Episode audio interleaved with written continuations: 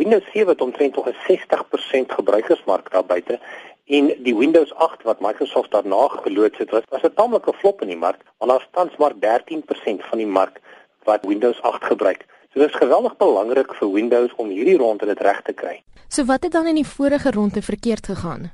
Jy sien met Windows 8 het hulle probeer om 'n bedryfstelsel te skep wat die brug sou wees tussen draagbare rekenaars en ons skootrekenaars. Een bedryfstelsel wat op al hierdie platforms sou werk. En hulle het dit nie heeltemal reg gekry nie. Die hulle gebruikers wat Windows 7 gehad het, het hom kwaad gemaak want hulle het heeltemal die koppelvlak verander en daarom het baie min mense van 7 na 8 oorgeskuif. So dit is geweldig belangrik vir Microsoft om dit 'n nuwe bedryfstelsel generasie in te bring om die ou Windows 7 en die Windows 8 gebruikers oor te bring na Windows 10 toe. Hulle het sommer by 9 verbygegaan en direk na 10 toe gegaan. Sou jy sê dis 'n manier van Microsoft om te erken dat die speelveld verander het? Nou met die mobiele revolusie waar ons tablette en slimfone gebruik, het Windows en Microsoft veral nie baie rol, goeie rol gespeel nie. En ons sien dat Apple met sy iOS en Google met sy Android bedryfstelsel die dominante spelers geword het en heeltemal daai mark weggegee. Hulle probeer in groot mate nou inhaal dat die volgende revolusie waarna ons heen gaan, die internet van alles.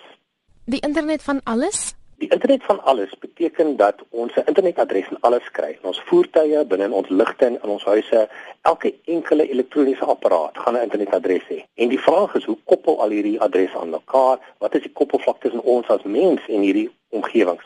En ons sien dat daar geweldige kompetisie is uh vanaf Google se kant, Microsoft se kant en in terme van hierdie koppelvlakke, beide in terme van voertuie, maar ook in terme van ons huisgebruike. Hierdie sogenaamde revolusie sluit ook ander elemente in.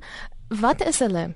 Ons praat al van dekades van virtuele realiteit waar ons 'n helm sal opsit en ons sal ons indompel in 'n ander realiteit in. Ek het so 4 weke terug 'n virtuele realiteit helm vir my aangeskaf teen 'n baie bekostigbare prys en ek moet sê dat dit werklik my siening van realiteit verander het want ek kan deur die heelal sweef en ek kan na planete gaan kyk of ek kan kyk hoe dinosourus lyk en dan het ons verrykte realiteit dit is waar ons deur 'n paar brille na die realiteit rondom ons kyk en die konstruk waarna ons kyk word dan verryk met inligting.